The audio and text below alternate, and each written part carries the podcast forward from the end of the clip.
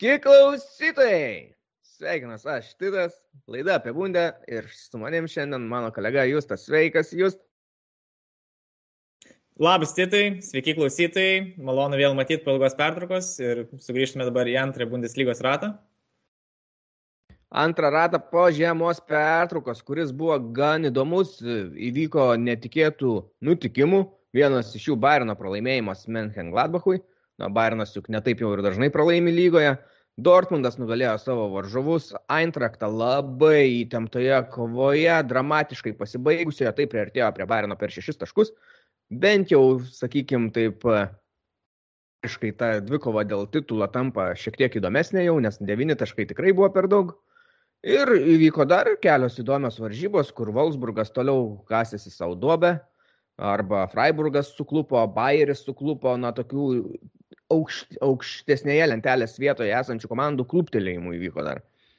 E, labai nemažai turiu naujienų, tai pradėsim nuo jų, o tada bandysim atsakyti klausytojų klausimus ir po to aptarsim jau tas varžybas. Tada dar prieš pradedant apie naujienas, e, noriu paraginti mumis sekti, klausyti, kur jums yra patogu. Mes esame atrandami YouTube'e, esame Spotify, Anchor, e, Apple podcastuose, postus rašom Facebook'e FC Bayern Lietuva puslapyje. Taip pat turim ir Patreon puslapį, kur galite, jeigu patinka, mus paremti. Jeigu nenorit, galite tiesiog užsiprenumeruoti ten naujienas ir mes artimiausių metų turbūt atnaujinsim kažkiek ten tą veiklą Patreon'e, kad e, kažkokių gautumėt ar pranešimų, kas bus kalbama galbūt laidoje ateinančioj, arba gausit galbūt netgi aš galvoju sutrauktas tas naujienas. Jeigu jums patiks, pažiūrėsim, tai paeksperimentuosim truputį.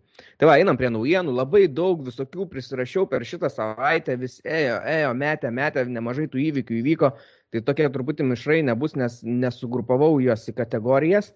Na, bet bandom paimti, tai bus ir svarbesnių, ir mažiau svarbių. Tai tokia pirma užsirašęs buvau, kad teisėjas, kuris teisėjavo, pavyzdžiui, Dortmundų su Bayernu, tokiuose gan įdomiai E, ne vienareikšmiškai vertinamuose varžybose Felixas Vainė. E, Svairis. Kalbama. Svairis. Svairis. Svairis. Svairis, atsiprašau. Yeah. Įmo pertrauką ir teisinėjimų aukščiausiame lygyje, matyt, patyrė gal ar spaudimo kokio ir ne, nebenori dabar, truputį nori palisėti. Ten yra minima, dėl, dėl psichologinių priežasčių, kad tikriausiai patiria per daug įtampos. Aš manau, kad vis tiek po tų varžybų uh, gavo daugiau socialinėje erdvėje pas, pastabų ir pastebėjimų, žinomumo ir tai tikriausiai atsiliepia neigiamai ir psichiniai sveikatai. Ir man būna truputį keista, kai žmonės e, labai liūdį dėl tam tikrų žaidėjų, e, kaip sakant, psichologinių nuopolių, bet kai yra teisėjų, nors taip jis buvo teisas, bet jis kaip ir atidirbo už savo tą nusikaltimą, bet kai jau su teisėjais tas pats vyksta, tai ne, tarsi jis negali būti auka, jis gali būti tik tai, va, būtent nusikaltelis tik tai.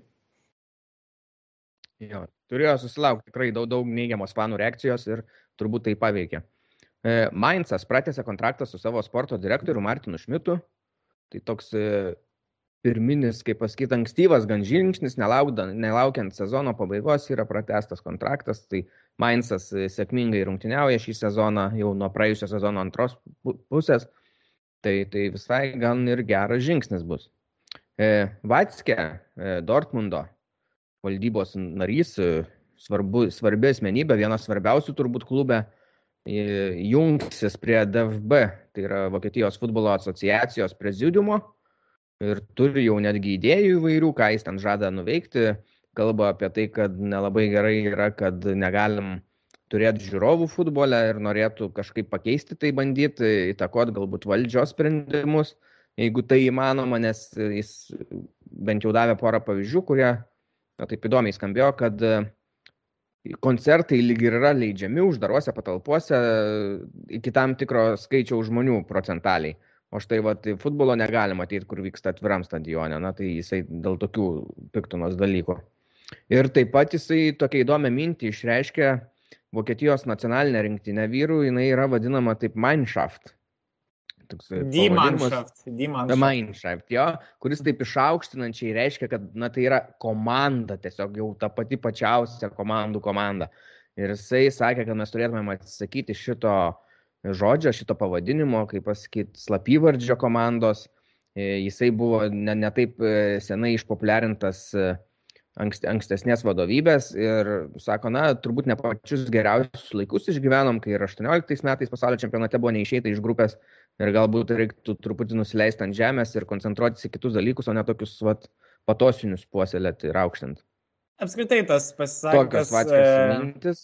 Kaip sakyti, nu, neslapyvardis, bet e, nežinau, kaip antras komandos pavadinimas, nežinau, kaip net įvardinta Dimanshaft, jis nebuvo populiarus tarp Vokietijai tarp žmonių ir tarp futbolo fanų, nes niekas taip nevadina Vokietijos rinktinės, dažniausiai, dažniausiai tiesiog Deutsche Fußballbund arba tiesiog kažkaip kitaip, bet esmė tokia, kad jisai buvo labiau kaip koks gal marketinginis triukas padarytas, tiesiog sukurti tokį kaip vat, pavadinimą, ne, kad tai yra komanda, skamba kietai, nes tai, žinai, vokiškai, vokiškai visą kitą, bet man atrodo, jis nelabai nustekęs, nors e, užsienio žiniasklaidoje Tai dar kartais yra mėgstamas, mėgstama tai pavadinti, bet čia labiau, vat, labiau ką aš girdžiu iš anglų pusės. Bet pačioje Vokietijoje tai tikrai, man atrodo, nepopuliarus ir nieko keista, kad jį planuoja pakeisti. Hmm. Gan keista, nes aš tai bent jau kiek paskaitau vokiškos spaudos, kai reikia vat, susirinkti informaciją, tai pastebėdavau tą pavadinimą pakankamai dažnai. Bet iš komercinės pusės tai nežinau, ar, jiem, ar jiems buvo kažkokia nauda ar ne. Tai, tai jo, žinai, žiniasklaida, tai aš manau, kad tai tikrai sklindantis. Šitas pavadimas ir buvo skurtas specialiai žiniasklaidai, bet aš labiau turiu meni tarp paprastų fanų ir, ir žmonių, kad niekas taip nevadina tiesiog. Ok, važiuojam toliau. Augsburgas nustebino per šį žiemos perimų langą, įsigijo jauną amerikietį Pepi, kuris yra laikomas labai dideliu talentu ir sumokėjo, na, ten skirtingai šaltiniai, skirtingą pinigų sumą, skiriasi jinai laviruoja nuo ten 8 iki 13-16 milijonų, kartais ir 18, na, bet aš manau, kad ten yra turbūt e, tam tikra dalis palikta bonusams ir su tais bonusais liktai eina kalba, kad gali siekti ir 20 milijonų maksimaliai. Aš tai mačiau transferas. netgi, jo, mačiau apie 20 milijonų. Jo, tikriausiai su bonusais. Bet čia, man atrodo, su bonusais jau. Bet vis tiek kaip Augsburgui, tokios prabangos transferas, tokia pozicija, kurie yra, labai. tai labai nustebino. Labai, labai nustebino ir įdomu, ką parodys šis jaunas amerikietis. Iš jo tikrai, kaip sakau, labai daug tikimasi, spaudoje buvo e, daug, daug pagiriamųjų žodžių jam. Ir jisai jau pirmose varžybose dabar, kai žaidė Augsburgas, išbėgo į aikštę, tai galėsim po to trumpai aptarsim apie tas varžybas. Tai iš to e, žaidėjų domėjasi Frank... Bayernas, jo domėjasi nežinau, ar matei tą ir jį. Nes jie turi, tarsi, gerus pakamai ryšius su Šiaurės Amerikos būtent tą lygą. E, Bayernas, kur turim ir Krisa Richardsą, buvo atvaręs dar vienas gynėjas, užmiršau pavardę, iš Teksaso irgi. Bet esmė tokia, kad tų žaidėjų vis daugiau prasimuša. Ir kas įdomu, kad Augsburgas turi kažkokį amerikietį investuotoją didelį, kuris turi Augsburgo akcijų. Ir kaip suprantu, kad jisai man atrodo, Davidas Blitzeris, va, jisai, kaip suprantu, irgi prisidėjo prie šito transfero vis dėlto. Mhm. Jo, girdėjau šitą, šitą, šitą dalyką irgi. Nu, mhm. pamatysim, jaunuolis, šiaip Augsburgui nemaža suma, bet, bet jeigu pavyktų, tai ir jeigu iš tikrųjų yra galimybė jam tam žaidėjui tapti tokia žvaigždė, kokia yra kalbama, tai jie po to uždirbs iš to. Ir tai rodo, kad tik tai dar puikiai lyga, kad pritrauktų tokius būtent jaunimus iš tų perspektyvių lygų. Vis dėlto tų amerikiečių čia daugėja. Ir ką žinau, jeigu Amino Dly taip Bayernas domėjasi ir jisai neblogai atrodo Leverkusenė, tai pakankamai geras prognozijas gali būti ir šiam jaunuoliui Augsburgė. Iš tiesų, Bundesliga yra patraukli amerikiečiams, jau yra ne vienas nusisekęs pavyzdys, pradedant Puličičių kokią, kur išvyko į Premier lygą ir ten nepradingsta iš Dortmundo išvykęs. Tai yra, yra, yra turbūt ateityje nemažesnė netgi tie srautai. Mhm. Glasneris, pameni jūs tai, kai mes džiaugiamės, juokėmės, e, kad Nagelsmanas į treniruotę atvaro su elektrinė rielente. Taip, taip. Jaunatviškas treneris, tai vad Glasneris, Frankfurto Eintracht treneris, irgi panašiai, na, truputį, kaip sakykime, tokia saugesnė, sakykime, pasirinko priemonę, elektrinį paspirtuką, Na, bet tokia ir saugesnė ta priemonė, kad vis dėlto įvyko avarija treneriui ir gavo gultis po operacinių stalų. Ir netgi per varžybas su Dortmundu galėjai truputį pamatyti, kad ten po akim kažkas yra, nes jam darė operaciją, jisai skrustikaulį susimušė, ten netgi galėjo ir skilti ar lūšti kažkas. Tai va taip nepasisekė vis tik tai treneriui. Ne tik varžybose, bet dar ir prieš tai. Vienas didžiausių išvykimų turbūt, nors jis yra tik tai laikinas, kol kas e, tik nuomos išvykimas, bet e, kalbama, kad greičiausiai pasibaigus nuomai įvyks ir perėjimas, nes yra tokia galimybė. Tai Lenkas, Hertos lyderis, polėjas, taisyklės, aš turbūt pavardės tikrai teisingai neištarsiu. Piontekas. Piotekas. Piotekas. Ok, tai va, Piotekas, vienas iš Hertos lyderių, išvyko į Fiorentiną. Ten nuo, ir, nuomos pagrindais jis išvyko. Nuomos pagrindais, po pusės metų jį galės ten už maždaug 12 milijonų galbūt įsigyti. Išsipirkti. Mhm. Mhm. E, Praeitoj laidoje truputį užsiminiau apie Eintrakto jaunuolį, kuris tik atvyko šiemet Fabio Banko iš Valencijos buvo atvykęs, tai jisai jau tikrai persikėlė į Barceloną, žais Barcelonos antroji komandai bent jau kol kas. Ir kalbama, kad suma, kurią gavo Eintraktas, buvo apie pusę milijono galėjo siekti. Mhm. O buvo įsigiję veltui, na tai bent tiek. Ir sklinda gandai, kad uh, mūsų gerai pažįstamam Bayerno buvusiam polėjui Mario Gomesui yra ruošiama galimai vieta e, Leipzigo klubo struktūroje. O yra užsiminta apie kokią vietą? Nėra ten labai dar aišku, bet ten nebus aišku jau kokia labai aukšta, bet, bet kažką darys turbūt. Ne, ne, nežinau, ar su žaidėjais dirbs, ar, ar, ar kaip. Aš vis tiek gal, gal bus kažkoks asistentas arba koks dirbs su jaunimo, gal treneris bus. Bet... Kažkas su žaidėjais, aš mhm. manau, bus. Nu, kaip Klozer tikriausiai panašiai. Mhm. Bayerno jaunuolis Meijeris išvyko į Dresdeną.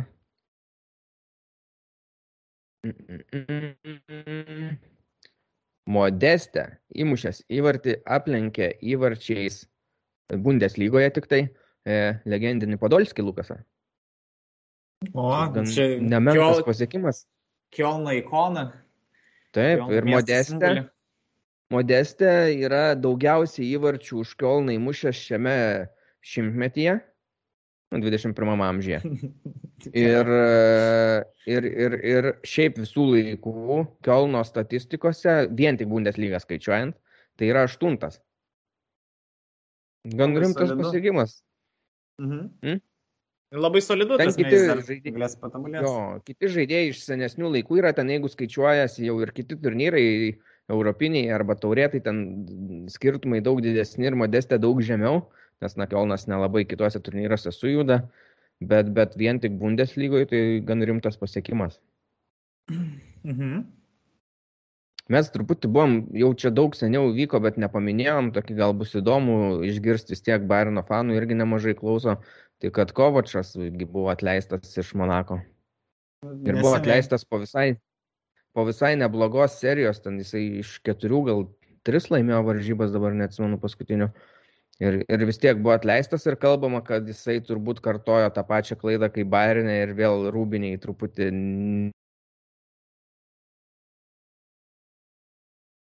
Patriko Šiko Bayerio polėjo vertė, kuris žaidžia labai gerą sezoną, pakilo jau skaičiuojama apie 15 milijonų.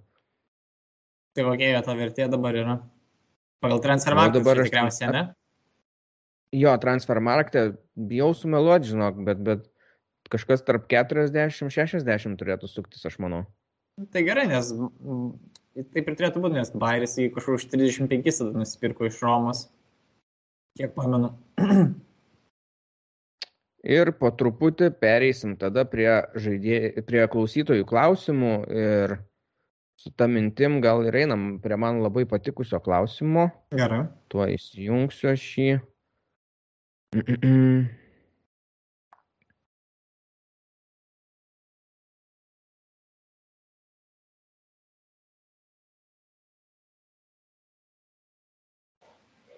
Vitalis klausia, E, kai tokia karuselė sukasi, koks treneris, o gal ir ne vienas, atsisveikint su darbu.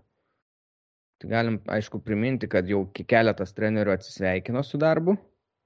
Tai yra mhm. Hertos treneris buvo atleistas Dardajus, e, tada buvo atleistas e, Wolfsburgo treneris Van Bomelis ir, ir, ir, ir Jesse Maršas.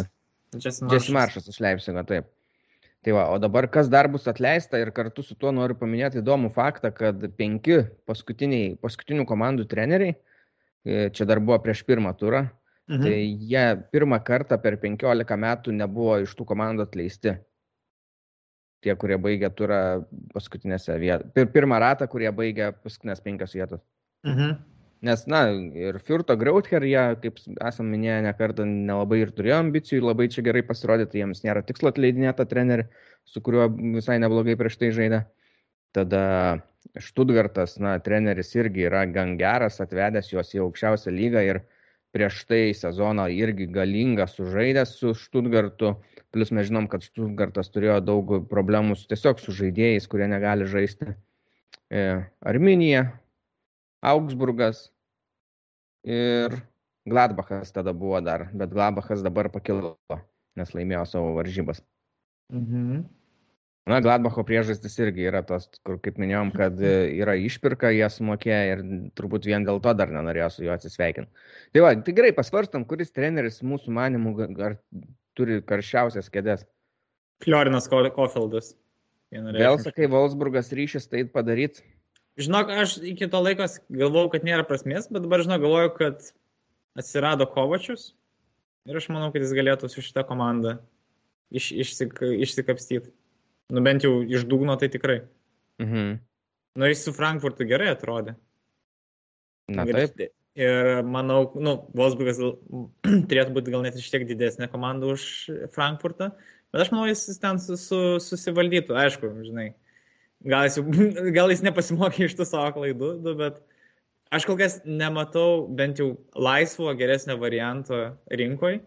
Ir aš manau, kad Wolfsburgui, nu, verkiant, reikia kažko stabilaus bent jau. O aš galvoju, o ką veikia Lučianas Fabre? O, šiaip geras variantas irgi. Jis nieko neveikia.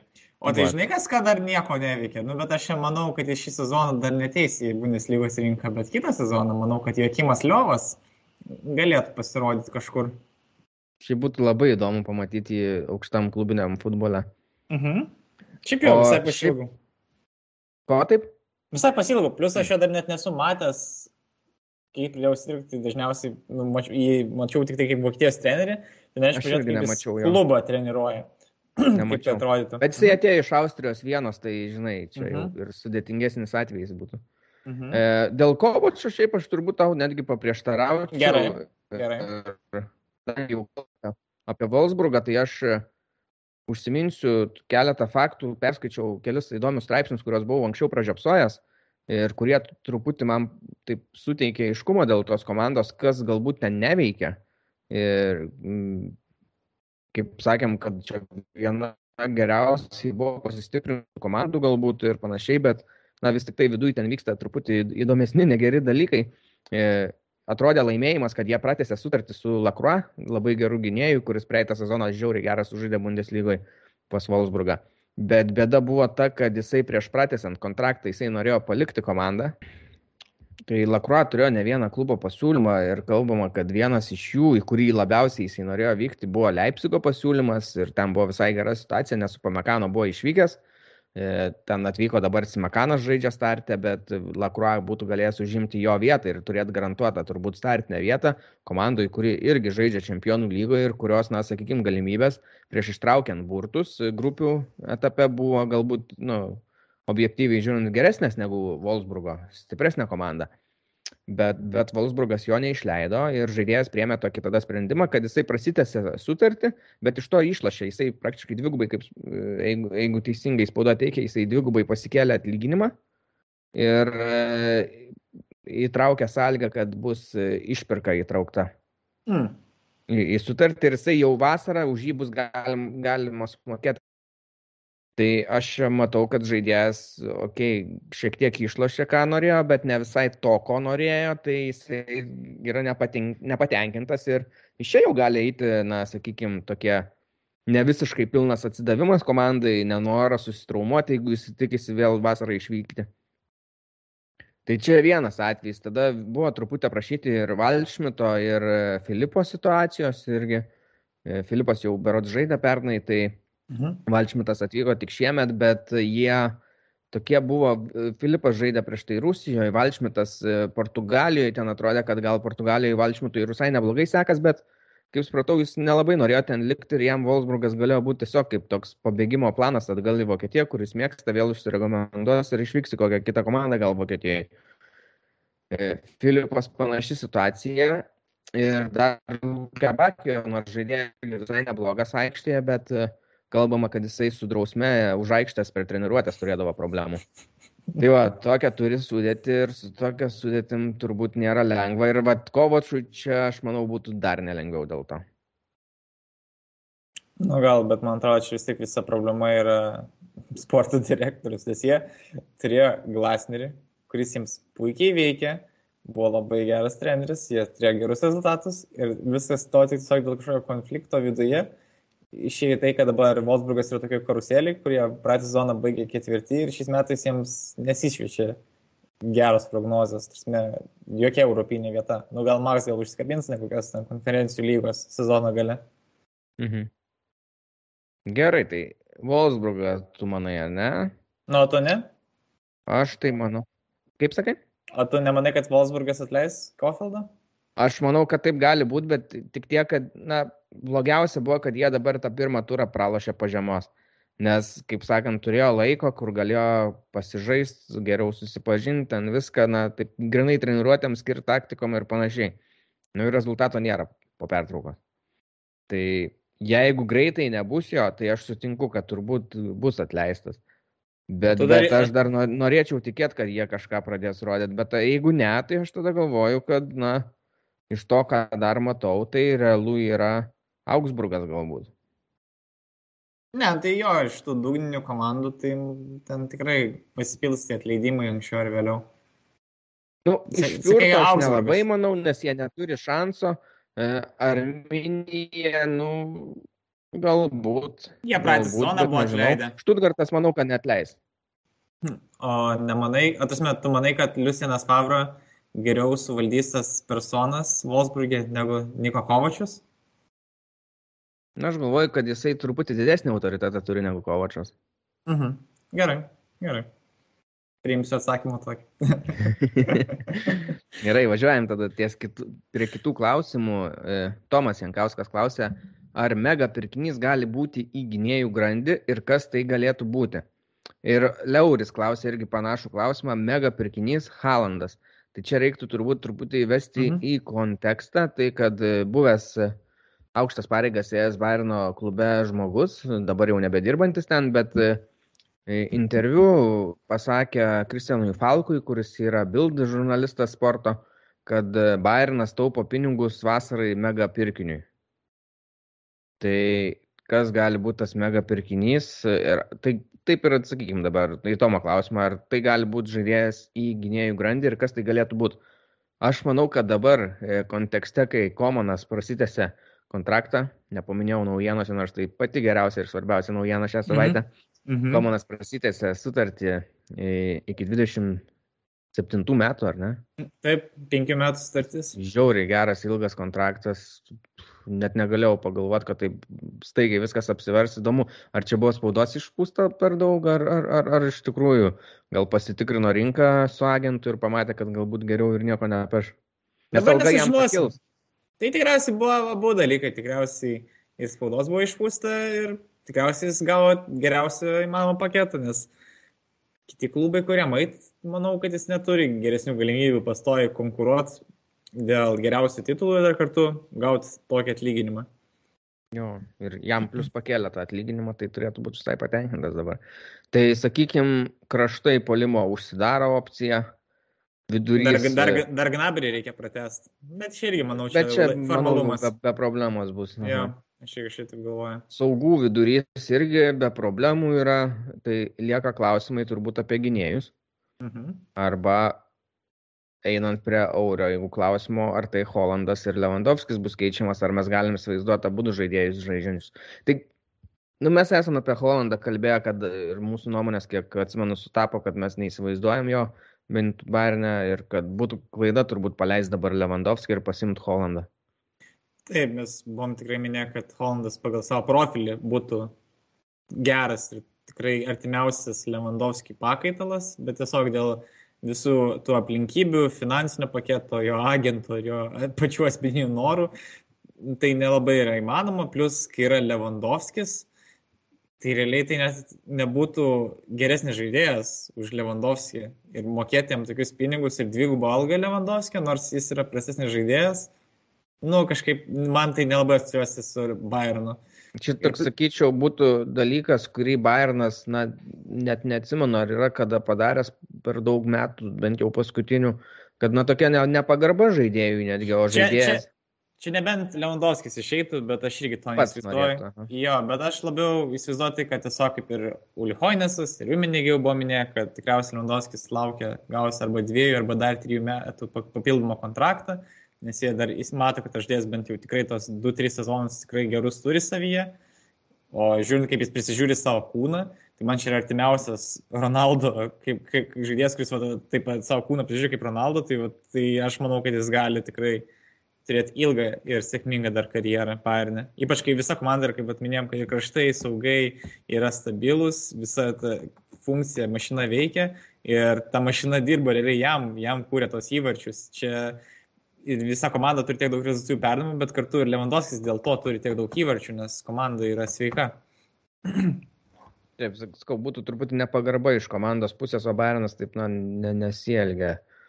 Plius galim sakyti, kad ne, ne tai, kad žaidėjai net nepagarba, o klubo legendai jau tiek rekordų pagerinusiai, tokius rezultatus parodžiusiai, nu, aš manau, turėtų eiti iki galo, būtų teisingiausia. Tai tada mes atmetam Holandą ties šitą, šituo sutarimu ir gynėjus reikia žiūrėti tada.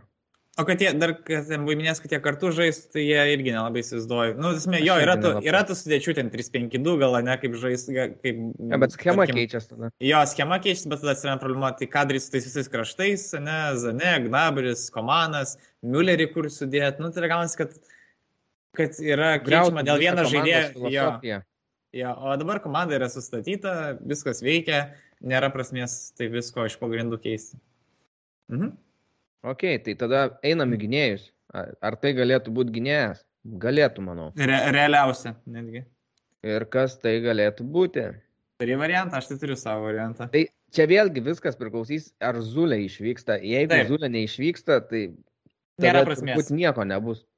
Nes jo, gal reikėtų ne kokį dešinio kraštą, bet mes kaip ir kalbėjom dažnai, kad realiai žaidėją, kurį tik tai būtų įmanoma prisivilioti, kuris yra tikrai geresnis už pavarą, tai nebent Hakimi, bet jis dabar jau Paryžiui ten šiltai sėdi, aš manau, jau praleista ta proga yra ir jau tikrai artimiausius bent kokius trys metus tikrai ne, ne, iš čia neteis. Centro gynėjas jo realiausiai viskas priklauso nuo to, kaip Ziulė, ne kontraktas prasidės. Gerai, Ziulė išvyksta, ką mes matom? Gerai. Aš galvoju, Rudigeris įmanoma. Vat, žinai, Rudigeris Ar, bet tai nebūtų mega transferas, nes jis yra laisvas agentas. A, ok. Ir Rudigeris, jo įmanoma, bet aš iš pradžių galvojau, kad jo, gal geras sprendimas, bet to supratau, kad jisai geriausiai atrodo būtent trijų gynėjų linijoje, kur Barnas labai mhm. retai, mm. taip žaidžia, aišku, Snagels man būna ir jis mėgsta tą lankstumą komandos parodyti. Nes Rudigeris būtent, atsimenu, kai tarkim su Lampardu žaidė keturių gynėjų linijoje, tai nieko ten per daug įspūdingo nebuvo. Aišku, galime tai turėti įtakos gal ir su treneriu, bet tarkim, Aš manau vis tiek, kažkaip įtariu, kad jis neįs į realą ir kažkaip aš manau, jis pasiliks Chelsea. O jeigu apie mega transferą, aš taip pat, kaip tik buvo gandai apie vieną žaidėją, kuris prieš keletą metų norėjo ir buvo galimybė ateiti į Bayerną, bet pasirinko kitą komandą. Tai deliktas. yra deliktas, jo, Matisas deliktas. Nors tai yra, irgi yra Rajolos klientas, bet aš manau, su šiuo žaidėju būtų įmanoma. Jo suma būtų, manau, įkandama ir Bayernui lyginant su Holandu, jis tikrai ne kosminių kažkokių ilgų užsiprašytų. Todėl aš suprantu, kad jo dabar ambicijos po Juventusą yra būtent patekti į konkuruojančią komandą. Ir manau, Bayern aplinkoje Olandas žaidėjas, Olandas gynėjas pagal savo žaidimo braižą iš čia pritaptų. O, geras variantas. Ir jo kaina turbūt bus pakritusi nuo, nuo, nuo, nuo perėjimo į Juventus, ar ne? Nes ten vis tiek su komanda gerai sekėsi. Nu, jis vis tiek, žinai, jis yra vis tiek geras gynėjas, perspektyvus vis dar yra jaunas. Trasme, jam gal kokie, kiek dabar jam, kai 21, 22 metai, jis labai anksti iššovė. Jo, jis su Ajax, ir jis, čia. ir jis Italijoje, gal, žinai, gal komanda netrodo dabar kažkaip stabiliai ir galingai, bet vis tiek jis tikrai geras gynėjas yra ir aš manau, jis atėjęs dar, tarkim, tą patį Barną tikrai galėtų dar tapti dar geresniu.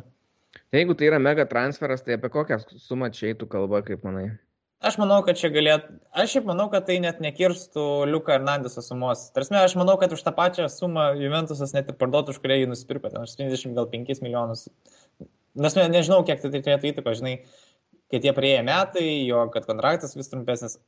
Nežinau, ar mhm. būtų įmanoma įpirkti pigiau, jeigu būtų įmanoma, tai vien privalumai. Ok, geras variantas. O, yra, aš irgi atsimenu, jisai fotkinos mhm. prie Bairno to ženklo ant sienos ten norėjo į tą Bayerną, bet, bet nuvarė į Juve tuo metu. Tai, tai tuo metu, kai vyko tas visas transferų gandai, tai tuo metu jam realiai buvo du geriausi pasirinkimai - arba eiti į Bayerną, arba eiti į Juventusą, nes tai buvo gal komandas, kuriuose jis galėjo bent jau startą žaisti. Nes, tarkim, ten Barcelonoje ir taip toliau, ten nebuvo garantuotos tos startinės vietos. Na ir pasirinko neblogą variantą, jeigu iš tikrųjų. Tarsi, ten kokią jis algą gavo, tai tikrai, manau, liko patenkintas. Nu, Žiūrėsim. O dėl kito varianto, tarkim, gynybai, centro gynėjo, kažką tokio brangaus. Mm. Turi kokį, kokį dar variantą? Brangaus, nežinau, va, deliktas, kai tu pasakėjai, man toks irgi logiškiausias atrodo. Nes, nu, tas pačio Ajax dabar žiūrėnas Timberas, bet nežinau, ar jis jau mm, pasiruošęs kilti. Jo, realiai, nu, tokių gerų gynėjų, kuriuos prisivilioti į Bayerną būtų realu. Nu, nesugalvoju dabar. Nu ir gana tada vis tiek. Pasakėm vieną realiausią ir geriausią turbūt variantą, jeigu, jeigu tas mhm. transferas apskritai galėtų įvykti. Mhm. Taigi, taigi, taigi, kitas klausimas. E, Giedrius klausė mūsų, kaip manome, kiek rezultatyvių perdavimų Tomas Mülleris atliks šį sezoną Vokietijos lygoje. Čia irgi galima supažinti su kontekstu. Tai kad Milleris prieš du sezonus, tai treblą tą sezoną, buvo atlikęs Bundeslygoje 21 rezultatyvų perdavimą ir tai yra rekordas tarp to penkių lygų. Jį dalinasi kartu su Lioneliu Mesiu. Tai, tai vienas dalykas. Antras dalykas tai, kad jis šiuo metu per 18 varžybų jau turi 14 asistų ir dar liko dar 16 varžybų. Tai jam reikia per 16 varžybų padaryti dar 7 asistus, kad pakartotų tą rekordą, 8, kad jį pagerintų. Tai maždaug, tai ne kas porą rungtynių, bent po vieną rezultatyvų perdavimą.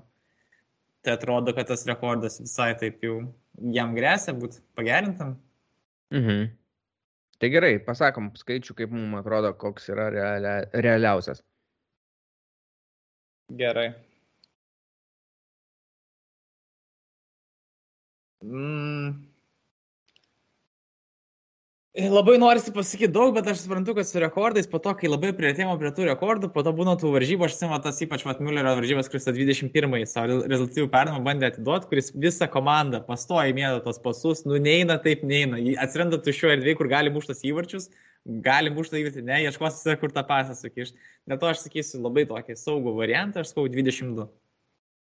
22. Kažkaip apie panašų aš galvojau, bet tada, kad būtų įdomiau. Mhm. Nu, 23 labai jau ant rizikos, bet mažiau duoti irgi nesinori.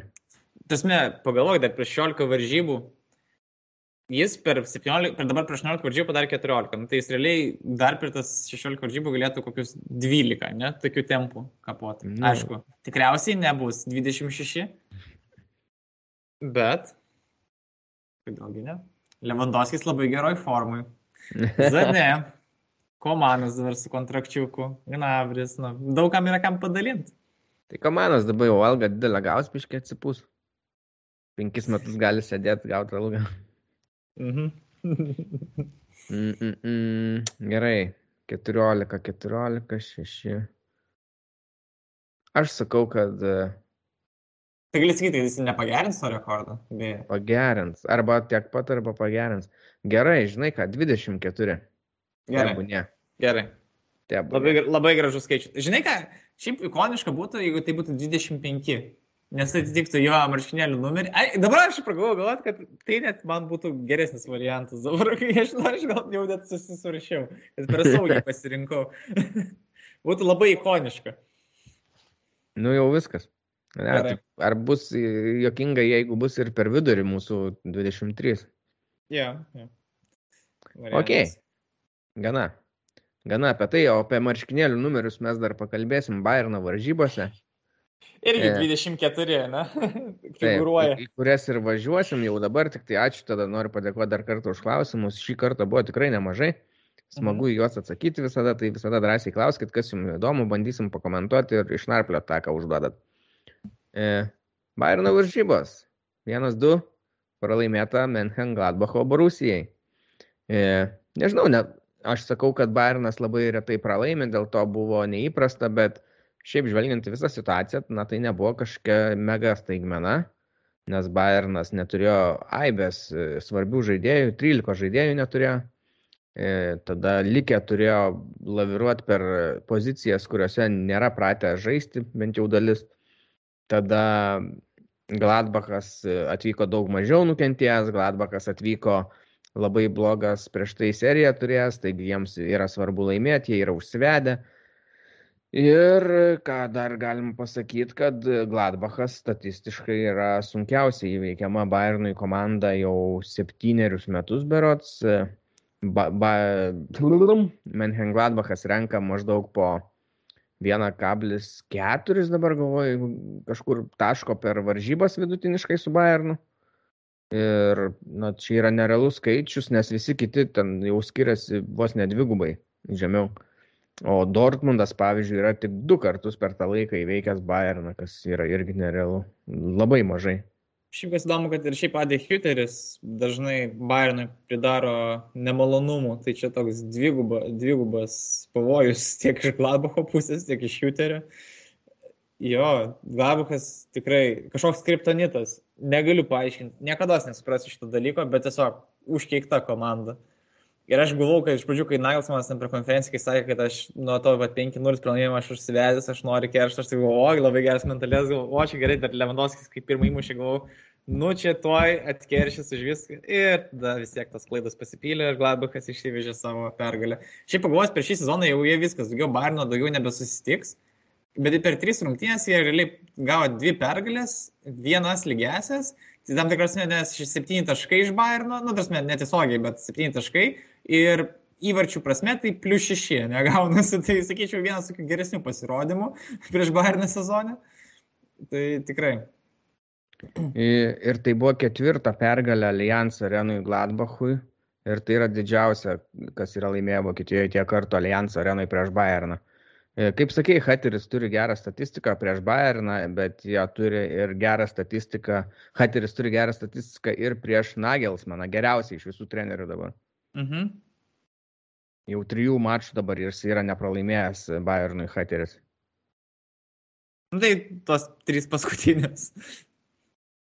Jo, tai gerai pakalbam apie varžybas, pati pradžia, kaip tau soliukas patiko, ta startinė sudėtis, tai tokia dar, na, pakenčiama, visai nieko atrodė, ten vis tiek išbarstė tuos esamus žaidėjus, kurie buvo geriausi, bet e, išleido vieną, aišku, varžovą Tilmaną, tai e, jaunuolį Tilmaną, kuris pirmą kartą pradėjo nuo starto, buvo kelis kartus išbėgęs ant pabaigos, bet, bet, bet suolas tai buvo galingas, 2-16 mečiai sėdėjo, šiaip vienas jų pasirodė aikštėje, Varenas, ir jisai jauniausias Bayerno žaidėjas pasirodęs aikštėje yra. Ir Bundeslygos kontekste jis yra antras berots pagal jaunumą. Taip, tai tai jūs fan Mokoko. Mokoko įlenkia taip. Ir Tai, tai, tai man buvo, aš, aš labiau asmeniškai norėjau pamatyti kitą 16 metį Ibrahimovičių. Ne dėl to, kad jo pavardė čia sutaptų ar ką, ten nėra jokio ryšio su mums žinomu Zlatanu Ibrahimovičiu. Yeah. Bet uh, jisai jaunimo komandai labai labai ne pagal savo amžių gerai žaidžia. Ir buvo šiaip daug straipsniukų viskų ten Vokietijoje apie jį jau prieš tai, čia keli mėnesiai, kai jisai gerai žaidžia. Tai man buvau atkreipęs jau dėmesį į jį, o vat, šitą jaunuolį, kur pasirodė aikštai, tai, tai tiesą pasakius nežinojau. Mhm. Ir dabar, sako, jau aišku, jisai daug pagirų susilaukė išėjęs į aikštę iš Nagels, mano iš visų kitų, sakė, reikia dirbti, viskas bus pasiekiama, geras žaidėjas, gerai pasirodė, bet, bet šiaip yra ir nemalonus dalykas, kad kalbama, kad jisai gali ir išvykti iš Bayerno. Aš manau, jam apsimoka, tikrai, nu, tasme, jaunam žaidėjui reikia laiko Vaneris, Bairne, jeigu ne va tokies, va, COVID ir traumos ir čempionatų išvykimai, jeigu ne tokios įsitinės aplinkybės, jis negautų čia žaisti, čia tiesiog taip gavosi aplinkybės šiandien dėl to, kad jisai antie geras, kad prasimuštų į Barino ten rotaciją ar ten panašiai. Tai faktas, faktas, bet 16 tai... metų tai čia dar nėra tas laikas, kur tu jau turi reikalauti vietos komandai pagrindiniai. Nu taip, bet, nu, aišku, jo, priklausys kaip jis vystysis. Jo, per porą metų gali viskas pasikeis, bet nu, manau, kad vis tiek daugiau, daugeliu atveju vis tiek jam tikriausiai būtų naudingiau kažkurioje kitoje komandoje vystytis ir tobulėti. Ar tai būtų Augsburgas, ar Bielefeldas, ar bet kuri kita komanda. Aišku, ten neimant tam kažkokius Dortmundus ir panašiai, nes ta pati istorija būtų kaip ir Bayernė. Mhm. E, šiaip reiktų dar pasakyti, kad ir Ulrichas žaidė vartose, buvo irgi jo pirmas startas Bayernė nuo to karto, kai grįžo į Bayerną. E, pačios varžybos man tai tokios chaotiškos, netgi atrodė, Bayernas tikrai netrodė labai prastai, bet to tokio judesio su kamuoliu klaidų netrūko ir Nors, nors įmuštas įvartis buvo, bet, bet, bet po to Gladbachas greitai tokius kliurkinius pašaudė ir galėjo šiaip ir Embolo dar trečią užmest. galėjo Bayernas Levą porą štangų su, su, suvirpino, po to Müllerio įvartį praktiškai įmuštą jau Ginteris ištraukė iš vartų. Nu taip, Šiaip Lewandowskis buvo geriausias žaidėjas aikštėje, nu, tarsi, jis kiek progų ne tik tai čia uždarinė, bet, nu, bet, bet, žinok, čia man buvo labai išskirtinai, tarsi, jis kiek kūrė, jis, tarsi, kokį Mülleriui pakabino kamuolį ten iš kokių 35 metrų, metrų ten, kur Mülleris ten vos prilietęs į zomerį iškart pataikė. Tarsi, jis labai žemai turėjo leistis, nes, nu, saugų grandį vis dėlto žaidė Musialą su uh, Roka. Ir ką reikia dar paminėti, kad, kad smagu, kad Kimikas pagaliau grįžo. Uh, Jis praleido 47 dienas dėl COVID, bet, bet pagaliau grįžo į rotaciją ir šį žaidė, aišku, dešinio krašto gynėjų. Pavaras centro gynėjų pagaliau va, išsipildė jo noras.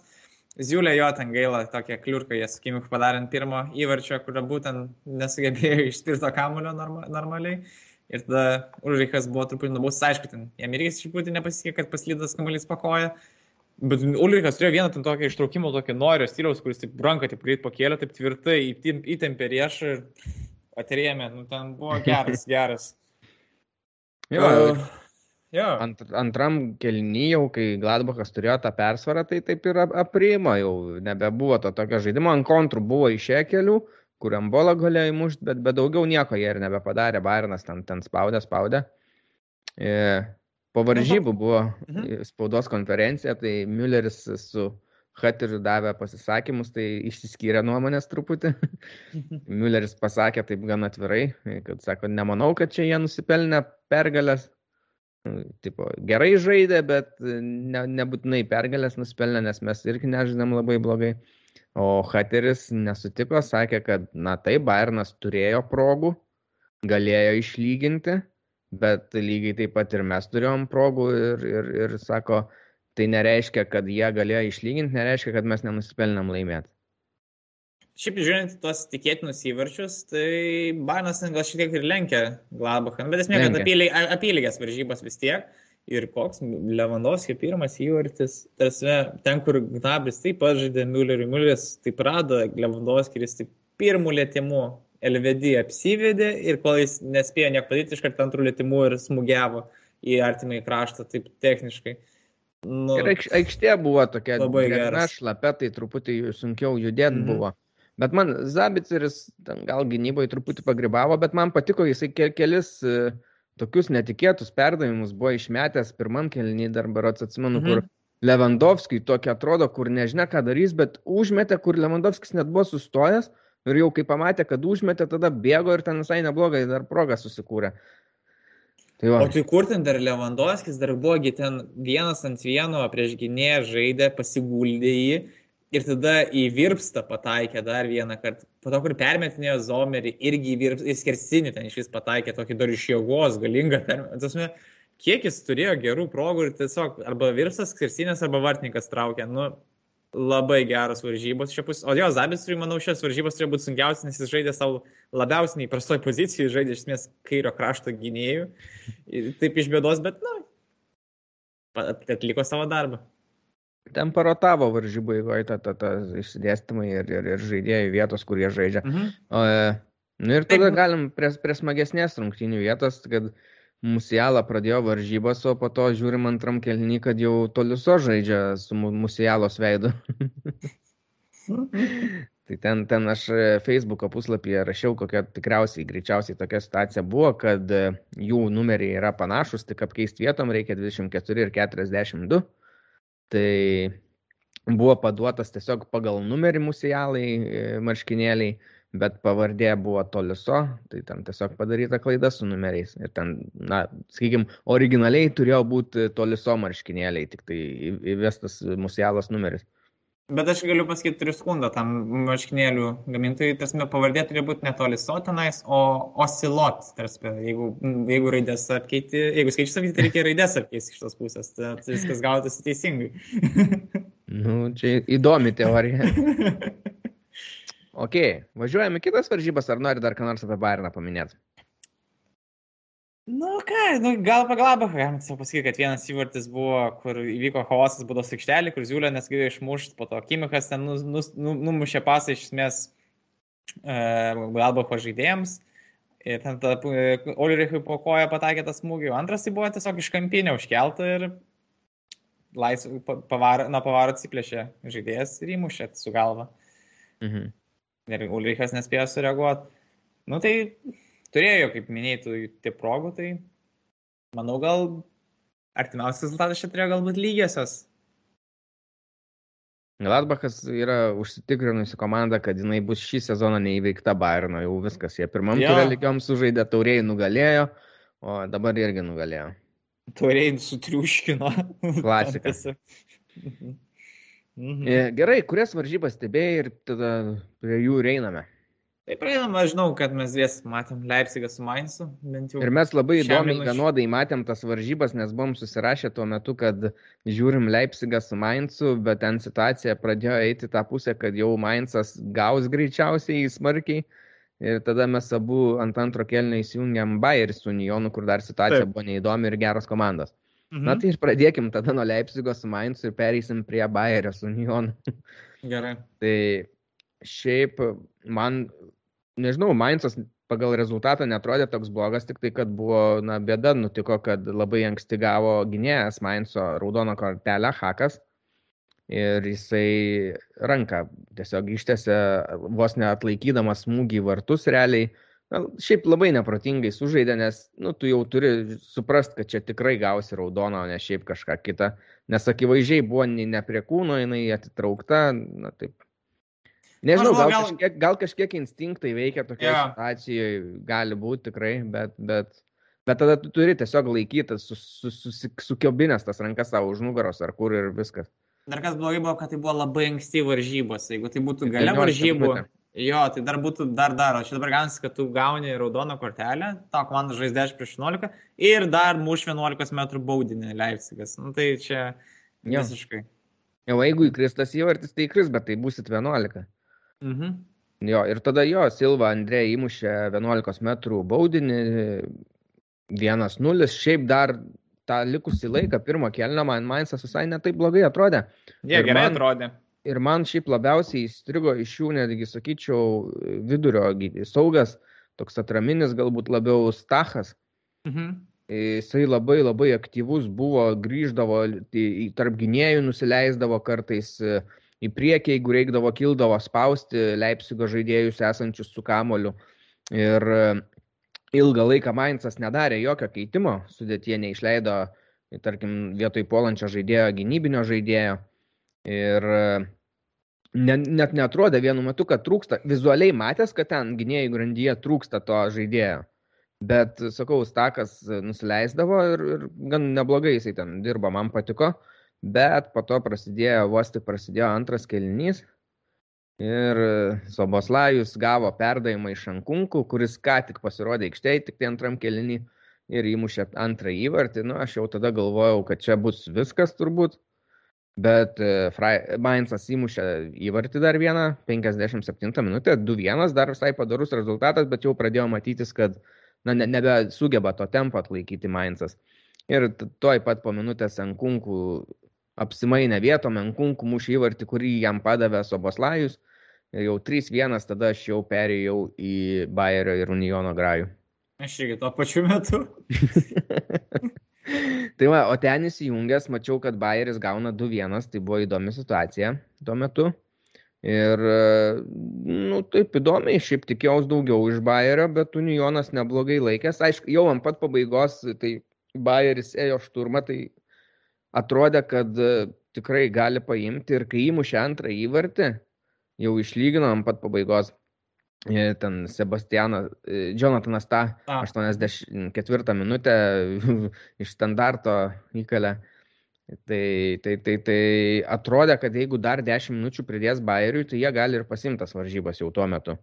Bet ten labai greitai buvo dar situacija, kur dabar neatsimenu, kuris Uniono žaidėjas, bet labai gražų galėjo įmušti į vartį. O Čipka? Kuris? O Čipka? Kur, iš, kur virpsta pataikė, apie kurį tai įvartį? Ne, kur taip ore, taip koja ištiesęs, pasišokęs, taip kalė į vartus, bet tiesiai pataikė į vartininką. Jo, mm, mm, kažkas iš centro gynėjų, ne? Ne centro gynėjų, iš centro saugų. Mm, bet dabar bet net ne, ne, ne, jo, jo, jis, jis taip gerai pataikė, jo, ir jis tiesiai į vartininką tas kamuolys. Ten būtų buvęs labai gražus įvartis, jei būtų įmušę. Mhm.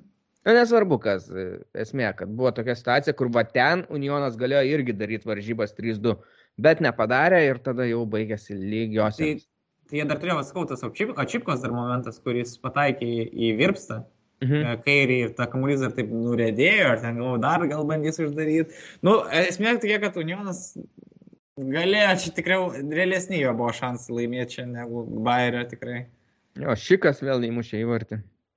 Jo, ir jis prie antrų visai nemažai prisidėjo, nors negavo rezultatus perdavimo, bet jisai Belarabė atrado, kuris po to ir užkabino tą kamulį. Jonatui tą. O Uniono gretose galim pasakyti, kad dublį įmušė promelis. Mhm, grįžo promelis. Jo. jo, Unionas turėjo rimtą netekti, nes e, Avony yra išvykęs į Afrikos taurę. Pagrindinis jų polėjas, kuris gerą formą šiemet demonstruoja pas juos. Mhm. Ir jų top scoreris 9 įvarčius turi. Taip, taip. E, tai va tiek, tik tai gal dar pamiršau prie Leipzigo grįžtant pasakyti. Ket, ket, kad... Ketvirtas įvartis dar krito Silvas.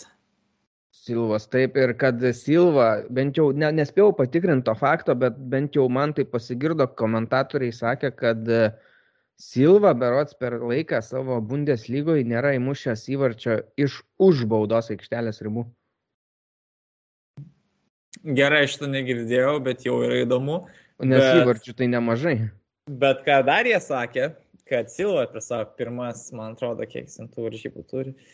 Nu, tarkim, aš neprisimenu tas tikros skaičius, bet ten gal buvo 46 varžybos, kad jis per pirmas 46 savo varžybos Bundeslygoje turi daugiau įvarčių negu Gerdas Mülleris. O. tai, tokių, tai tokių irgi. Ir šiaip čia, man atrodo, buvo pats pirmas dublis nuo to laiko, kai jis išvyko iš Frankfurto. Mhm tai gal po truputį su nauju treneriuku ir visai įsveis. O jie šis, o jie šis varžybas pradėjo su dviejais paliais viršui, tiek su Silva, tiek su Pulsenu ir atrodė neblogai. Ir e, tą paskutinį ketvirtą Silvos įvartį asistavo Ankunku. Tai Ankunku 46 minutę pasirodė, du asistus padarė ir vieną įvartį įkalė. Nu, toliau nerealus yra.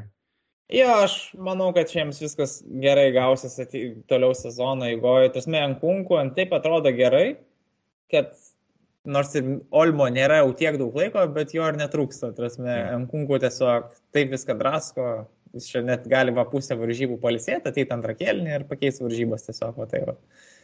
Tai jo, ir jis... tam ant, antram kelnį, kai jie ir pramušė, tai jie šiaip jau pakeitė ant kunkų pulzeną, tai nuėmė tą antrą polėją, kaip ir galim sakyti. Na, Kunku iš vis, jeigu taip tęsis, tai geras pretendentas į sezono žaidėjo poziciją, nes jis taip visą sezoną pakankamai stabiliai žaidžia gerai kol kas. Nu, su Lewandowskiu bus sunku, bet, bet jo variantas, bent jau kandidatas, tai tikrai bus. Mhm. Ir, ir Mainzas, nu, nelengvas varžovas. Jie, jie Mainzas prieš tai pirmas varžybas buvo laimėję 1-0, tai, tai čia atsikeršio Leipzigas ir pasėmė labai svarbius taškus. Gerai, Kitos varžybos tai jau vyko vakare, buvo žiauriai geros, gaila, kad aš negalėjau jų stebėti tiesiogiai, nes e, buvau protmušį futbolo. Tai žaidė Eintraktas prieš Dortmundą, baigęs varžybos 2-3 Dortmundo naudai. Dortmundas 2-0 gavinėjo, anksti praleido įvarčius, įmušė abu juos Borė, naujokas Frankfurto iš Pietų Amerikos pramušė, kaip sakant, gavo, kaip, kaip ir priklauso tradiciškai tą pirmą naudingą e, rezultatyvų perdavimą iš Kostičiaus. Bet tie tokie įvartėliai buvo truputį nuo Dortmundo klaidų lemti, sakykime, bent jau vienas tai tikrai, ten Roisas labai drąsiai baudos aikšteliai bandė kamuolį varinėti savo baudos aikšteliai ir pra, praganė, aišku, tą kamuolį ir tada praleido įvartį. Bet, bet man, vat, kas Dortmunde patinka, kad jiems šiaip pasisekė, kad jie turi tuos, sakykime, legionierius, kur, na, yra žvaigždės arba tikrai bus žvaigždės, kaip Haza, kaip Hollandas ir Bellinghamas, bet tu matai, kad jie kovoja žiauriai, kad jiems rūpi, kad jie užsivedė, kad jie kitus ragina, užvedinėja. Ir e, klubo, dabar nepasakysiu kokios pozicijos, bet žodžiu, valdybos vienas narys Dortmundo irgi sakė labai džiaugias Rozė, nes e, trenerių, nes uh, Jisai per pertrauką rūbiniai sakė, komanda nuteikė irgi labai tinkamai. Nebuvo ten kažkokių labai emocingų šūksnių, pykčių, bet sakė parinkęs tinkamą toną, tinkamus žodžius, aišku, nekonkretizavo, kad sakė, man labai patiko ir tinkamai jis tai atliko, manau. Na, ir tai, komandai tai lyginant dabar šią komandą, tarkim, su to, kas buvo, nu, ne, ne Terzičiaus, bet su Favru, tarkim, su Favru atrodo, kad Dortmundas buvo visada psichologiškai silpnesnis už daugelį savo varžovų. Jeigu jie vat, pralaimėjo 2-0, nu, tai jie negrįžtų į tas varžybas. Dabar, kai jie pralaimėjo 2-0, jie neprarado savo tempo, toliau žaidė savo žaidimą ir pasiekė rezultatą. Tikrai Marko Rozė man jis labai ten tinka ir patinka, kaip jis atrodo Dortmunde. Ir žaidėjai irgi. Ir aš, kaip ir Vaskė buvo minėjęs, kad taip, Holando čia laiko klausimas, kada mes jį prarasim, bet mes viską darysim, kad jis bent dar sezoną čia pasiliktų. Ir aš manau, kad ir tikiuosi, kad taip ir bus. Aš manau, kad e, dar Hollandas norėtų pažaisti su pilnu signal įdūna parku, tarsime, nes tai vis tiek yra toks skėnis stadionas ir su savo vietiniais, tikiu, aštriais fanais, įstringai e, palaikančiais komandą. Tai kažkaip aš visai norėčiau matyti tą Bellingemo ir dar Hollando duetą bent dar metus jeigu virusas pandemija tęstųsi, tai sakykime, šanso yra, nes na, galbūt nesukrapštytų tie turtingieji klubai. Nors kaip pažiūri, kad vis tiek, ką jie jau labai labai nori, tai sukrapšta. Taip, nu. Nu, tarsi, čia viskas, prikla... Žiūrėk, čia viskas priklauso realiai nuo dviejų klubų ir jo norų. Ar jis nori, tarkim, nueiti į Paryžių, kai Mbappé iš ten išeis. Ir tiesiog, man čia, jei, nu, gerai, jeigu, tarkim, išeis. bet, ar, bet aš manau, kiek supratau, iš gandų eina, kad jis ten nenori vykti, tai realiai lieka pats geriausias variantas, tai Manchester City, kuris lėšų tų tikrai užtenkamai, jeigu labai norėtų, ten jau galėtų laisvai ir atsivesti. O nu, čia jau, jau nebe variantas, manai? Ne, nu, aš manau, kad jie galėtų nusipirkti žuvo, o kam jiems jį, kai yra benzema. Nes jie kalbama, kad ir Ambapės nori, tai vat, vieną iš tų gal ir pasimtų.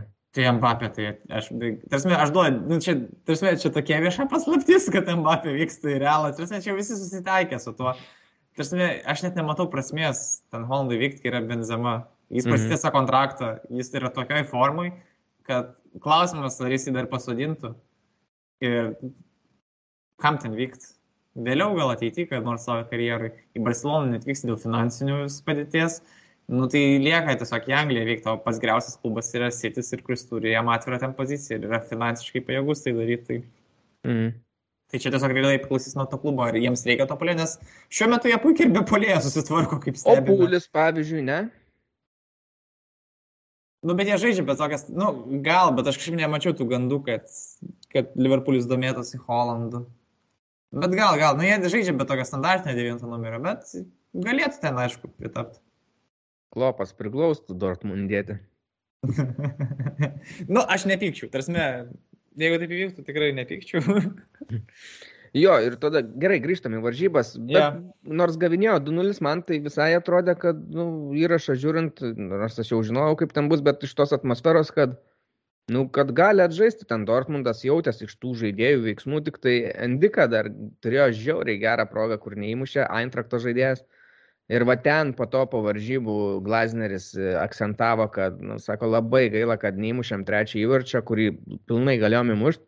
Ir tada sako, manau, kad tikrai būtumėm uždarę varžybas ir nebūtų grįžęs Dortmundas bet nepaėjo, o Dortmundas irgi kokių progų dar turėjo iki tų pirmų įvarčių. Malenas e, iš arti labai neįmušė, bet jam ten labai nepatogu buvo, nes kamuolys per arti ir per staigiai jo nusileido. Ten reikia nespėjo sureaguoti. Jo, jo, ten, į, tiesiog, ir tai ten pasisekė, kad jis ištėsi tą koją ir dar link vartų tą kamuolį pasiuntė. Tai jis į virpsą pataikė, tai ten. Jo. Ir Holandas bet... turėjo, na čia jau nieko nenustebinsi progų. Ta, ta savo įmušęs, kur po to tai... E, tokį, ne, neįmušė, ne jisai Hazaras įmušė, bet tokį Hollandas, kur padavė, jo. Tai toks klasikinis jų Dortmundo, kur arba Hollandas išbėga, arba paduoda, žiauriai geras buvo. Bet po to Belingiamas antrą įmušė, kur Munie žiauriai geras perdavimas buvo. Ir Munie pačioj varžybų pradžioj kokio vos neįkalė. Ten, kur Madrots ir vartininkas lietė ir dar štangą nuėjo per viršų. Žiauriai geras buvo. Tai Munie šiuose varžybose Gerai atrodo. Manė šį sezoną atrodo daug geriau negu praeitą. Nu, Man, nu, jeigu, laiko, jeigu, jeigu taip tęsis, tai gal ir nėra bėdų su dešinio kraštu. Jums tiesiog mm. reikia centro gynėjo. Ir Dahudas, raketa kokia įkalė trečią, tai emocijų bomba, aišku, 89 minutę geras įvartis ir uždarytos varžybos. Tai va, gal tu nori kažką dar apie aš, varžybas? Žinai, ką aš dar galiu pasakyti apie pirmą kelnį, kad Dortmundas ten turėjo labai daug netikslių pasų. Tasme, viduriai aikštės ir net sabulas labai daug kietų kamuolių prarado. Ten Frankfurtui tikrai gaila, jie tikrai turėjo daug galimybių muštą trečią įvartį. Ten, jeigu jie būtų įmušę tą trečią, tikriausiai būtų uždarytas varžybos, bet, nu, neištempė kito. Bet Aš iš pradžių, kai žiūrėjau, aš tasme pirmą kelnį, nu, aišku, Dortmundas netrodė bėgiškai, bet galvoju, nu, ten Frankfurtas tiek turėjo progų ir taip atrodė tas toks slopi, toks, mm, kaip sakyt, nepilnas Dortmundo žaidimas, kurie pasus taip atmestinai numeta, nepakankamai, pakankamai, nepakankamai stiprumo, jie pakankamai silpni, jie kažkur vidury tarp žaidėjų sustoja tas kamuolys, tai tasme labai lengva atimti tokius kamuolius. Ir Frankfurtas pastoja atiminėjo tas kamuolius, spaudė tą Dortmundą, nu, bet gaila iš to, jokio rezultato neišspaudė. Jo, bet an, jau kai praleido tos ke, kelis įvarčius, tai pradėjo saugot rezultatą Eintraktas truputį. Jo, jo. Ir, Glasneris irgi sakė, kad na, nesąmonės padarėm, jau pasimetėm, pradėjom kamuolį per nelik dažnai atgal atmetinėt, nebežaidėm tiek dažnai į priekį. Žaidėjas, man atrodo, antram kelnį, kuris daugiausiai turėjo prisilietimų komandai prie kamulio, jų komandai buvo vartininkas, trapas. Mhm. Na tai toks ne, ne, nebuvo nusiteikimas tinkamas e, pabaigti varžybas jau, kai trup, mato, kad Dortmundas ima bet, iniciatyvą. Bet čia realiai kritika jam pačiam, nes nu, aš manau, kad čia jo buvo, buvo planas toks ginti rezultatą. Nes jiems reikėjo, nu, tas negerai, nesakysit šį pasakymą. Nu, aš nežinau, ar buvo jo toks planas, jeigu jisai kritikuoja tokį elgesį, tai nu tada nežinau, nu aš tiek įsivaizduoju, kad komanda turėtų vis tiek antrą kelnį, turėtų kažkokius bent sutarimą, kad kažkokį žaidimo planą. Nu, nu jo, nu, bet tas mečiai dažnai labai būna futbole, kad kai tu taip rezultatai įnirtingai, kad labai dažnai nu, nepasiseka to, nu, tu turi bent kažką tada, arba kontratakas kažkas labai protingas susigalvoti, nes kitas aklas toks gynimas, jis labai retai kažkaip nu, atsigrėžia prieš tave, nes labai daug to kamulio kontrolės atsiduodi varžovui ir jis vis, nu, anksčiau ir vėliau, nu, jis tų progų skurs, nu, bent porą, tai tikrai. Mhm. Ir ką dar norėjau pasakyti, kad e, Brantas irgi buvo padaręs klaidą, bet be, berots Maurats gynybai. Mhm. Tai jo, ten savo daug klaidų buvo, bet esmė tokia, kad dar, tarkim, lyginsim pirmas varžybas šio sezono Frankfurto ir Gladbacho, O, pu, Frankfurto ir Dortmundo, sumaišiau Borusės, kaip be būtų. Ir tai tengi ten buvo sutriušintas. Frankfurtas 5-0, teorija, pamenu, kažkas tokio buvo mhm. rezultatas. Dabar 3-2, kurie turėjo 2-0 pranašumą, nu, tai komanda akivaizdžiai yra patobulėjusi. Aišku, lentelės vieta irgi tai atspindi, bet skaičiu, jie visai atrodo geriau negu aš jų tikėjausi šios sezonas. Jeigu... Dortmundas atliko tik du keitimus, kurių vienas buvo pačioj varžybų pabaigoje, jau po įmušto įvirčio, grinai užtemti laikui, biški atšviežinti jėgom, tai realiai jų suolas vis dar buvo nelabai stiprus.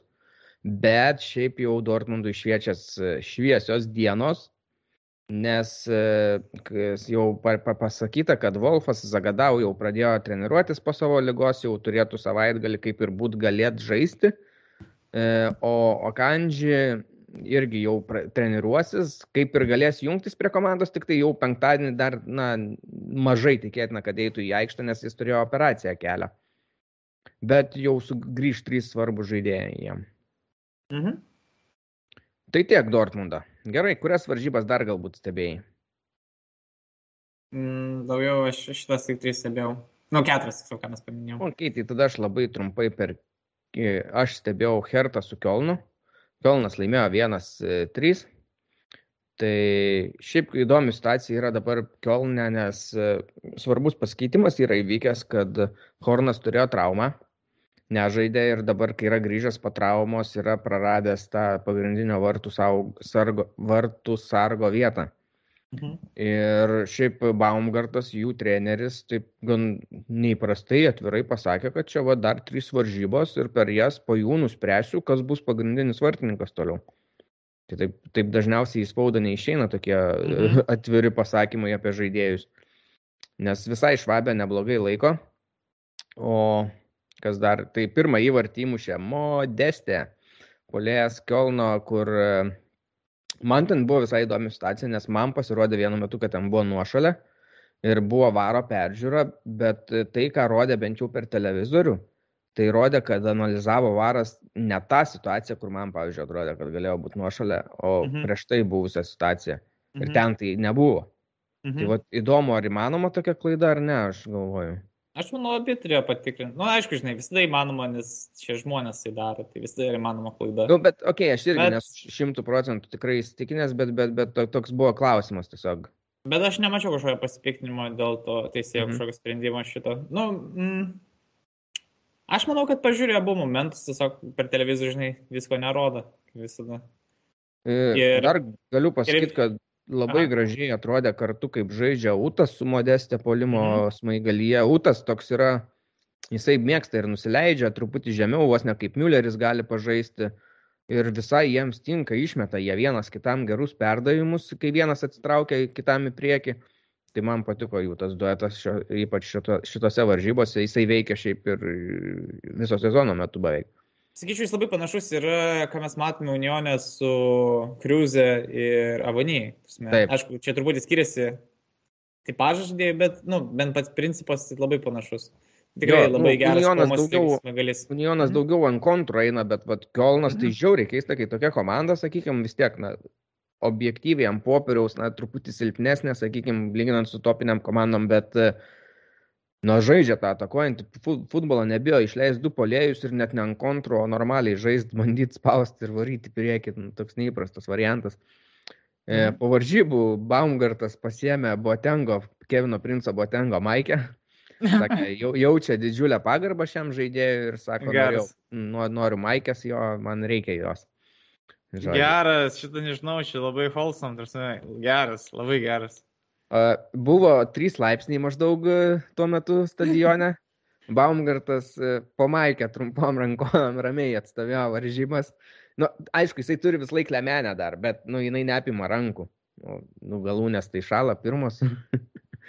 ramiai. Matai, gal dėl to jisai pasimė Kevino Princo Botengo marškinėlius, kad būtų šilčiau. Na, čia po varžybų. tai, žinai, užtrunka laiko sušalti. čia, šiaip, Bet... tokį, į, į savo asmeninį dar nuvažiuosiu šoną, kad vakar buvau irgi protmušį, tai ateinu, žiūriu, kolega sėdi su Baumgarto kepurėlė. Ai, jisai, tu man sintėjai tą nuotrauką, ten geras. Bet buvo, jisai, jisai tai nežinojo Baumgarto ir aš sakau, kad tu sakau, čia kaip Baumgartas, kas, kur, ką, tai paaiškinau. Ka, kaip tu mane pavadinai, sako. Parodžiau nuotrauką, jisai irgi su tokia barzda truputį mhm. neilga, tai nu, visiškai panašiai atrodo, tai pasiekėm. Buvo linksma. O ką dar Baumgartas, e, norėjau pasakyti kažką aš. Apie jį ir dabar aišku užstrigau. Kažką minėjo konferencijoje, kažkas vyko per varžybas. Nu, nesvarbu, pamiršau, tai pamiršau, jeigu kitą kartą atsiminsiu, pasakysiu. E, mhm. Esmė kokia dar, kad Kielnas jau penkis kartus nepralaimi Hertai. Herta, aišku, blogina savo situaciją. Buvo, buvo situacija, kad buvo 2-0 ir įmušė Herta įvartį. Tai, tai ta, tokia intriga buvo ant galo atgyjusi, bet po to vis tiek Kielnas išbėgo vienas pats, ten Tilmanas, man atrodo, įmušė trečią įvartį ir, ir, ir, ir ten, atrodė, kad... Ten labai gynėjas klaidą tokią baisę padarė, jo, kad jie taip praleido, ten labai baisiai. Mhm. Ir atrodė, kad gali netgi neįmušti, nes bandė suklaidinti tvartininką truputį pasimušti šoną, bet mhm. viskas ten tvarkingai pavyko. Jo, jis labai uždėlysės to kamulio, jeigu iš tikrųjų ten tikrai pertelpė, bet, bet, nu, vartininkas pradėjo kristi ir uždarė tada. Šiaip kas įdomu su Medesta, kad jis jau šį sezoną, čia jo Bundesliga 13 įvartis, bet iš tų 13 jis įmušė 9 įvarčius su galva. Ar jis rekordo? Ir jisai dabar penkia, tipo, geriausia penkiose lygose yra, ar, nu, turi geriausią rezultatą, tasme, pagal įvarčius su galva ir tasme, kol kas nėra net kažko arti jo. Tai, nu tikrai, man, nu, dažnai aš kiek žiūriu tos jo įvarčius, nu, jis pastojas tą galvą uždarinėja, nors jį randa, bet jis taip užtikrintai muša, nesvarbu koks atstumas ten, būdos aikštelį, gali drąsiai jam kabinti. Gerą techniką turi. Jo, ir, ir man atrodo, kad yra jisai arti rekordo, kad daugiausiai įvarčių galva per sezoną įmušęs Bundeslygoje. Mhm. Dabar nepasakysiu tiksliai, bet man atrodo, kad ten buvo apie 12-13 skaičius. Tai jau tikrai netoli. Viskas, Herta Kielnas, viskas Kielnas žais su Bayernu kitą turą. Tai Bet Herta gal galima dar paminėti, kad turėjo irgi progų, Molida buvo vienas prieš vartininką atsiradęs irgi pakankamai anksti, bet ten vartininkas to visko sutvarkė. Nu, tasme, nebuvo labai, skaičiu, kad prastos varžybos Hertai, bet tiesiog Kielnas yra geresnė komanda. Tikra tiesa. Štutgartas 0-0 sužaidė su Fiurtu, tai čia kas svarbiausia, tai kad e, Saša Kaladžičius grįžo po traumos, labai ilgai mm. nežaidė polėjas pagrindinis jų. Tai va ta kova dėl išlikimo, man atrodo, Štutgartas prates ir aš galvoju, kad jie išsikapanos jau aukštyn, nes ir Mvumpa vėl turėjo susirgymą, man atrodo, negalėjo žaisti, irgi planuoja jau grįžti. Tai tie pagrindiniai žaidėjai buvo pusę sezono iškritę beveik ir jie grįžta, kurie buvo tos pereito sezono sėkmės kalviai pagrindiniai. Tai jie grįžta ir aš manau, kad tada komanda turėtų susitvarkyti, jeigu ten na, vėl neiškris. Matai, kaip bandė Kaladžius prie save mušti, kai sosai vėl rado. Vėl tas laskinės sosas kabinimas, bet gaila. Truputį baisu, kad negautų traumas net buvo. Ir kalbėjo po to vadovai, kad, na, pirkinių, sako, neplanuojam žiemos transfero, met, žiemos pereimų lango metu, bet e, sako, netgi gali keli ir išvykti, na, ten nereikalingi kokie mažiau, arba išnuomoti gali būti. Ir sako, ką mums tie atvykimai, sako, mes ir taip kas, kas savaitę jaučiamės, kad pas mus vis atvyksta, na, jis turi omeny, kad grįžta tie žaidėjai vis, kurie buvo traumuoti. Mhm. Tai va, tiek, aišku, buvo truputį netikėta, kad lygiam sužaidė, nes, na, Fiurtas silpniausia lygos komanda. Ir tada kitos buvo įdomios visai varžybos, buvo užmetęs akį, tai Freiburgas 2-2 su Arminija sužaidė lygiosios, tai Freiburgas dominavo pirmam kelinį, pirmavo 2-0, ten per pirmą kelinį buvo tiek progų, kur neišnaudojo, kad galėjo būti kaip su Gladbachu, kokie 5-0, 6-0 ir uždaryti per pirmą kelinį varžybas. Pilnai galėjo. Nepadarė, vyko ant savęs po to per po varžybų, bet, na, po to Arminija sumušė dar du įvarčius. Tai va. Šiaip įdomus faktas, dabar e, nežaidė Arminijoje šitas e, Klosas, man atrodo, jisai yra. Mhm. Fabinas Klosas. O jisai yra žaidėjas, kuris laimi šiaip daugiausiai lygoje, man atrodo, dvikovų su galva. Mm, šitą nežinojau. Ir Arminija yra ta komanda, kuri la, viena iš daugiausiai laimi dvikovų oro, tai, na, tai parodo, kokio tipo yra komanda surinkta, kad tie tokie fiziškai stipresni, kad aukštus kamolius užkelt, pagauti, standartai ir panašiai. Dar tai kas, reikia paminėti, kad Gonzalo Castro žaidė nuo suolo. Jo, visiškai netikėtai mes kalbėjom, kad jisai buvo be žaidybinės praktikos pusę metų ir nieko išėjo, žaidė, mhm. vaizdo nepagadino. Mhm.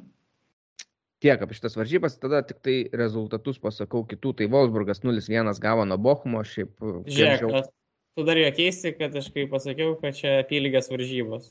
Nu, ką padarys. Ir, ir, aš, ir žinai, kad Bochumas, nežinau, ar tu matei, bet ten jie turėjo daugiau progų negu Wolfsburgas. Ne, šiaip labai čia, iš... Čia nebuvo tas varžybos, žinai, kaip minėjai, kad ten Wolfsburgas turi dažnai progų, bet jų neuždaro ir tada pralaimi. Čia tiesiog Wolfsburgas neturėjo no. progų. Iš santraukos tai labai blogai atrodė. E, Hoffenheimas 3-1 užtikrintai įveikė Augsburgą, kur irgi Pepi išbėgo į aikštę 60 minutę palakstyti. Buvau prasmugiavęs irgi, bet. Raumas įmušė e, Hoffenheimo gynėjas 93 minutę įvartį. Tai taip Maikė savo truputį atsegė, neatsegė, nusmaukė žemyn ir sakė, norėjau parodyti tatuiruotę savo naują. Ten kažkas parašyta, kad džiaugis gyvenimu, ar, ar ne, kad gyvenu savo svajonę, kažkas ten tokio. Ja, toks. Šiaip kas įdomu, kad mm, Augsburgas anksti pats pirmieji įmušė, bet tada Ilas bebuvo pakankamai, vis kelio pabaigoje dublį sumušė, Romas vieną irgi, bet rezultatyvų permetrė, jis labai gerai pakelia iš krašto tos kamžius ir palėžėm gali parident nu, jis tikrai neveltui yra kviečiamas į Vokietijos rinktinę tikrai atsiskleidžia šis jaunuolis, kur prieš šį sezoną dar būčiau dvėjojęs dėl jo kokybės, bet šį sezoną, praeitą sezoną, bet šį sezoną atrodo labai gerai. Mm. Gerai, tada anonsuoju ateinantį turą ir tada duosiu tau dar klausimą myslę lengvą. Gerai. gerai. E, tai kitą savaitgalį žaidžia Dortmundas, Freiburgas penktadienį, šeštadienį žaidžia Kielnas su Bayernu, geros varžybos, Štutgartas su Leipzigu, Unionas su Hoffenheimu, Hertas su Wolfsburgu, Gladbachas su Bayeriu, Augsburgas su Eintraktu ir Arminija su Fiurtu. Tai tokių gerų dvikovų netrūks. Rekomenduoju pažiūrėti bent keletą iš jų. Ir važiuojam tada prie klausimo. E, nežinau, ar matėjai ar nematėjai, bet e, Ibrahimovičius įmušė įvartį ir dabar susilygino su Ronaldo, kad yra e, įmušę prieš 80 skirtingų komandų berots po įvartį, bent jau. Mhm. Jie abu yra toj pirmoji, antroji vietoje. Dabar mhm. klausimas tau yra, kas yra trečioje vietoje. O trečioje vietoje yra žaidėjas, tai tau duodu užuominą, kuris savo karjerą pradėjo Stuttgarter Kickers klube. Vėliau perėjo į to paties miesto Stuttgart klubą, už kurį žaisdamas įmušė 79 įvarčius. Pradžiai tiek. Hmm, labai įdomu. E, galvojant apie palėjį iš Stuttgarto, tai galvoju apie Mario Gomezą, bet aš manau, kad tai ne jis, ne? Tai ne jis. Ne. Tai ne Mario Gomezas. Ne. Nu, bet Gerai, aš čia nežinau, ar aš skabinsiu to. Okay. Duos, duosiu dar tada užuominą. Yra žaidęs, e, ne, yra treniravęs, sakykime, du Vokietijos klubus ir yra laimėjęs kaip žaidėjas e, olimpinį bronzos medalį. Tai ne visi jo laimėjimai, bet kol kas tau tiek, kad maždaug pradėtum orientuotis. Hmm. Olimpinį bronzos medalį. Man įdomu, kažkokio čia laikotarpio čia žaidėjas yra. Bet aišku, jis turi būti žinomas, aš manau. Problema tai, kad aš kažkaip šitą rekordą nepastebėjau. Hmm. Gerai, yra Europos čempionas kaip žaidėjas ir yra pasaulio čempionas kaip žaidėjas. Truputį gal į laikotarpį nuneš labiau lengviau. Nu, bet čia ne iš 14 metų, ne, rinktinės. Nu, jeigu yra Europos laimėjęs, tai Ai, jo, atsiprašau. Jo. Ir Europos, ir pasaulio. Nu, tai gerai, kas ten galėjo būti Štutgarte. Nu, betgi nebuvo ten koks Uli Hoinesas senais. Ne, ne Uli Hoinesas. Ir neriuvenėgi. Mm, ne. Gerai, duodu dar tada. Okay. Yra žaidęs Vokietijoje, Italijoje, Prancūzijoje, Anglijoje. Ir toj pasakysiu šitos komandos, nežinau, Amerikoje. Žaidęs.